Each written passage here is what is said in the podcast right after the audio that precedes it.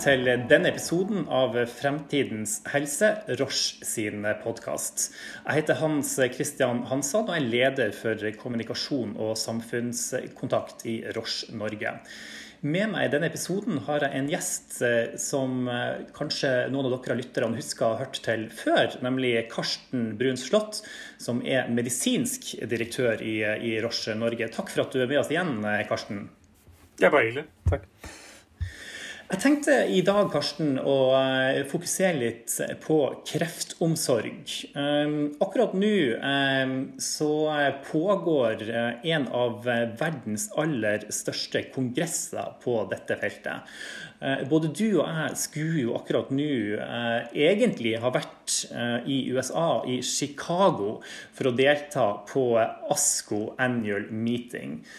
Um, Karsten, kan ikke du fortelle litt om uh, hva ASKO egentlig er, og hvorfor dette er et så betydningsfullt høydepunkt uh, for alle som jobber innenfor kreftomsorgen i verden? Ja, um, nei, ASKO er jo en veldig stor, uh, stor kongress. det er den største kongressen i verden som behandler da temaet onkologi, så kreftomsorg.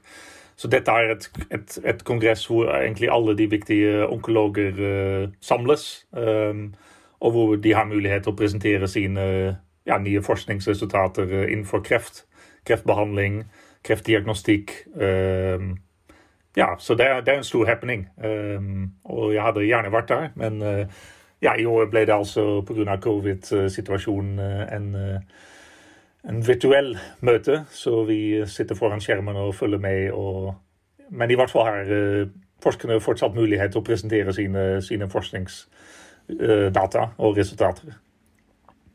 Så det er altså sånn at eh, vektige vitenskapelige fremskritt blir lagt fram sjøl om folk ikke samles fysisk eh, i Chicago? Ja, absolutt. Ja, så det er fortsatt presentasjoner, diskusjoner og ja, data som blir presentert av de forskere. Um, så, og det er, det er, jo viktig at vi fortsetter med det, at vi ikke stopper opp det. Uh, fordi um, ja, pasientene er fortsatt der, uh, studiene er fortsatt i gang, og resultater fortsatt analyseres. Så, så det er viktig at, uh, at det ikke stoppes opp. Ja. Kan du fortelle litt Karsten, om hvordan en sånn kongress, hvordan en, en sånn stor vitenskapelig samling egentlig fungerer? Ehm, jeg vil anta at det er ikke helt tilfeldig ikke sant? hva slags studier eh, som, som legges fram, og hva slags resultat eh, som blir offentliggjort i en sånn setting. Eh, hvordan foregår denne utvelgelsen, og hvordan Eh, man, hvordan er man sikker på at det som legges fram, faktisk også eh, er relevant? Mm. Ja, altså Forskere de har jo uh, mulighet til å sende inn sine abstracts, kaller vi det da. Så det er et slags kort sammendrag av sine forskningsprosjekter og de resultatene som de har tenkt å, å legge fram på slike møter. Og da er det med SK er det veldig Ja, det er vanskelig å, å, å, å komme inn he, og komme gjennom nåløyet for, for, å bli valgt ut til å presentere sine data. Det er stor konkurranse her. Og det er et komité da som ser på, egentlig vurderer alle, alle innsendelser, alle abstracts, og ser hva, hva mener vi er viktig, hva er virkelig uh, store gjennombrudd, og hva, hva er resultatet som må presenteres her nå. Um, både som, som f.eks. en poster, men det kan jo også være at man har mulighet til å presentere sine data i sånn eh, oral eh, session, eh, så foran et, et publikum. Um, og det er jo en stor ære selvfølgelig for en forsker å ha mulighet til å presentere sine data. Og det vil si noe at, at også andre, de som har bedømt det, mener at dette er virkelig noe viktig, og dette er noe som kan, ha, som kan påvirke pasientbehandling innen kreftomsorgen. Ja. Så dette er kanskje verdens trangeste nåløye innenfor kreftfeltet, da, eller? Oh, absolutt, det vil jeg si. Ja. Så hvis man har, eh, har en abstract, uh, hvis det blir akseptert på ESCO, det, det, er en stor ære. Absolutt. Ja. Det er jo sånn at eh, Opptil flere av de viktigste fremskrittene som vi har sett innenfor kreftfeltet, har blitt presentert som du nevner, nettopp på, på denne kongressen. Um, og opptil flere ganger så har vel kanskje eh, sjøl ganske jordnære onkologer, altså kreftleger, fått både den ene og den andre aha-opplevelsen eh, i forelesningssalene i, Chicago. Kan du fortelle litt om, om, hvordan du har opplevd dette når du har vært til stede, liksom, og, og, virkelig fått ta del i fremleggelsen av ja, banebrytende resultat innenfor eh, pasientbehandling eh, på kreftområdet? Ja, det det jeg kan si, i hvert fall jeg har vært der de siste to-tre årene. Eh, og ja, de siste møtene har det vært mye spennende data innenfor særlig immunterapi. Uh, som er da en, en, en, ganske relativt ny uh, behandlingsmåte for, for kreft. Hvor man bruker kroppens immunforsvar til å angripe kreftceller og drepe kreftceller. så det har vært noen veldig spennende presentasjoner de siste årene innenfor flere, flere krefttyper da, med, med, med, sånn immunterapi som virkelig har vist at dette er forlenger livet. Dette uh, har en uh, bivirkningsprofil for pasienter som er akseptabelt. Så det, det, har vært noen virkelig store gjennombrudd. Og det er alltid morsomt og spennende å se de data da for første gang og virkelig uh, få sånn oi, aha-opplevelse og si at her er det virkelig noe stort, her er det noen store endringer i sammenlignet med den behandlingen som vi har hatt før. ja. Så, eh, så, det er alltid morsomt å, å, være der. Og da også ha mulighet å snakke om de data med en gang med kolleger, med, med andre, med, og stille spørsmål til de forskere. Ha gode diskusjoner eh, om, om, om, de data og virkelig eh, se kan dette endre egentlig måten vi behandler pasienter på. Ja. Du Karsten, kan du fortelle oss litt om eh, hva som er de viktigste trendene innenfor kreftomsorgen nå? Du nevnte allerede immunterapi, men hva er det som er de store overskriftene eh, under ASKO eh, i år? Ja, jeg tenker det er, det er fortsatt immunterapi. Det er, det er mange krefttyper, og det er mange studier som ser på immunterapi innenfor forskjellige krefttyper. Det vi ser nå, er at kanskje de store gjennombrudd de, de, har vi hatt de siste årene. Og nå er det mer å se på ok, kan man eventuelt bruke immunterapi også til tidlig behandling av, av type kreft. Uh, så i pasienter som kanskje ikke har uh, fjernmetastase, hvor kreften ikke har spredt seg, men hvor man oppdager kreften tidligere. og ja, se, Kan immunterapi også spille en, en rolle der? Um, ja, og selvfølgelig det som også er veldig relevant nå okay, vi, har, vi, har, hatt mange studier som har sett på immunterapi som har vist en effekt uh, hos mange pasienter, uh, som er veldig positivt. Men selvfølgelig det er pasienter som ikke har effekt av immunterapi, eller som har forbigående effekt av immunterapi. Og da er det altså interessant å se Fins det noen behandlingsmuligheter for disse pasienter? Kan man, hva kan man bruke etter immunterapi? Hvordan kan man øke responsrate, at pasienter får en bedre effekt av immunterapi? Kan man kombinere det med andre typer medikamenter? Og det ser vi på nå, at sånne typer studier kommer mer og mer. Um, og det er veldig interessant. og Sånne studier blir også uh, lagt fram på uh, årets ESCO. Ja. Så det, det, er et viktig tema, tenker jeg. Ellers er det mye fokus på persontilpasset medisin. Um, se på hvordan kan man angripe Eh, krefttyper basert på sin eh, på genetiske mutasjoner. At man tester, finner, finner ut om en kreftform har en spesifikk immun- eh, eller genmutasjon, og hvordan kan man da angripe den spesifikke mutasjonen, slik at man dreper de kreftcellene, eller at man bremser veksten av de kreftcellene. Så personlig medisin er jo veldig hot. Uh, har vært hot de siste årene, og det er fortsatt Det skjer mye der. Og det er en del spennende abstracts og studier som, som, blir presentert også på årets ESCO innenfor eh, persontilpasset medisin.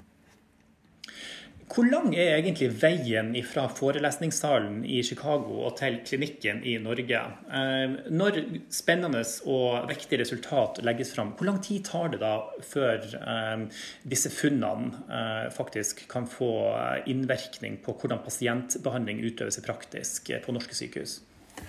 Ja, det varierer litt fra, fra krefttype og medikament. Uh, og type data selvfølgelig som også blir lagt fram. Er det, er det litt mer sånn preliminære data, eller er det virkelig overlevelsesdata her, hvor man har vist at, at en behandling virkelig har, fører til en forlenget overlevelse? Uh, men hvis jeg tenker litt tilbake på de siste årene og f.eks. sånn immunterapistudier, andre studier på persontilpasset medisin ja, det tar vel sånn ett-to år.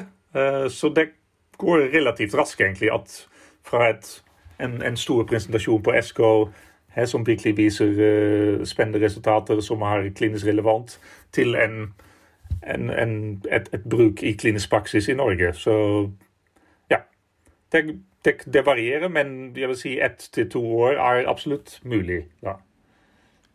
For det er jo ganske mange norske til stede der vanligvis også. Eh, ja. I år da sannsynligvis virtuelt, og ikke liksom i Chicago. Da, men, sant, denne, men denne, denne, denne, kongressen ikke sant, har stor interesse også blant, blant eh, norske eh, klinikere. Absolutt, ja. Du nevnte Karsten, som et veldig viktig stikkord her, persontilpassa medisin. Helt kort, hvordan vil du si at vi ligger an på det feltet i Norge? Um, jeg tror vi er godt på vei uh, i Norge. Uh, vi ligger kanskje litt bak noen andre land, uh, og særlig da med, med sånn testing for sånne mutasjoner, hvor bredt man tester på de norske sykehus. Det varierer også litt fra sykehus til sykehus. Men vi er godt på vei. jeg tenker Særlig innenfor lungekreft er det, er det mye testing som foregår, og, og masse persontilpassede medisiner som brukes i Norge, så, så, det er jo veldig positivt. Innenfor andre krefttyper er det kanskje mindre testing som foregår. Uh, men her er det også spennende uh, initiativ som tas nå, uh, f.eks. En, en studie uh, som vi jobber med sammen med, med det offentlige. flere, flere legemiddelselskap som jobber sammen med det offentlige for å virkelig innføre persontilpasset medisin bredere i Norge, og, og også teste ut nye, nye, medikamenter som kan ha en effekt hos pasienter med en spesifikk uh, mutasjon. Så det skjer mye her. Uh, men, men, det er mye, vi, vi, vi, fortsatt må gjøre, selvfølgelig, for det virkelig er, er eh, etablert en, en, god persontilpasset tilbud til, til, kreftpasienter i Norge. Ja. Så vi har ikke helt ledertrøya på, men vi er OK på vei? vi er OK, vi er ikke ledere. Vi ligger Kanskje noen bak også de land som vi ønsker å sammenligne oss med, i Skandinavia f.eks. Men det er ikke sånn at det er helt håpløst. Så jeg er, jeg er positiv, jeg har håp. Eh, men vi, vi, må ikke sitte stille. Vi må komme i gang med, med f.eks. sånne type forskningsprosjekter som jeg nevnte, og, og bredere testing. Når det da legges fram veldig lovende resultat eh, på dette området på en kongress som ASKO, skulle du ønske at Norge var enda litt lenger framme både når det gjelder molekylær molekylærdiagnostikk, ehm, når det gjelder den infrastrukturen som, som, som, kanskje er på plass i en del andre marked, og som kanskje dermed har kortere vei til å få implementert dette? Ja, absolutt. Det er jo, det er jo et ønske. Ehm, men ja Også i år ser vi at det er noen studier som også viser at hvis man, hvis man gjør sånn bred genetisk testing, at man faktisk kan behandle flere pasienter med bedre medisiner. Så det, det er jo veldig spennende og relevante og klinisk relevante data. Um, også f.eks. er det noen uh, tester hvor man ikke ser bare på vevsprøver, men mer på, på blodprøver også, hvor man tester egentlig uh, genmutasjoner via en blodprøve, som er jo en veldig pasientvennlig måte å, å, gjøre det. Også, eh, det kan jo være utfordrende i klinisk praksis å, å ta vevsprøver av pasienter for å teste hva slags mutasjoner de har. Så da en blodprøve er en enda enklere måte å gjøre det. Så det skjer mye der. Det, det er mange, mange, utviklinger. Og ja, jeg håper jo at Norge henger med, og at vi også har mulighet til å, å implementere dette i, i norsk klinisk praksis. Absolutt.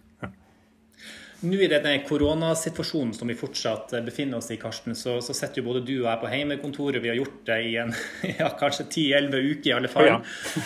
Um, um, det er jo litt sånn ikke sant, at verdien av å reise på en kongress um, uh, den er jo større også fordi at man faktisk uh, har mulighet til å nettverke litt. Mm. Uh, man, møter, man, møter, kjentfolk fra, fra andre land. fra fra andre kliniske virkeligheter. Kan ikke du fortelle litt sånn om hva som foregår utenfor forelesningssalene eh, i Chicago vanligvis, og hvorfor det faktisk også kan være ganske viktig for, eh, for klinisk praksis? Ja. Nei, det, som, du, som, du, sier, det, det, er mye nettverking der òg. Og, og, det er et fint arena å, å møte ja, eh, kreftforskere, og også hvor vi kan møte hvor jeg kan møte mine globale kolleger som jobber med, med nye kliniske studier med utvikling av nye legemidler.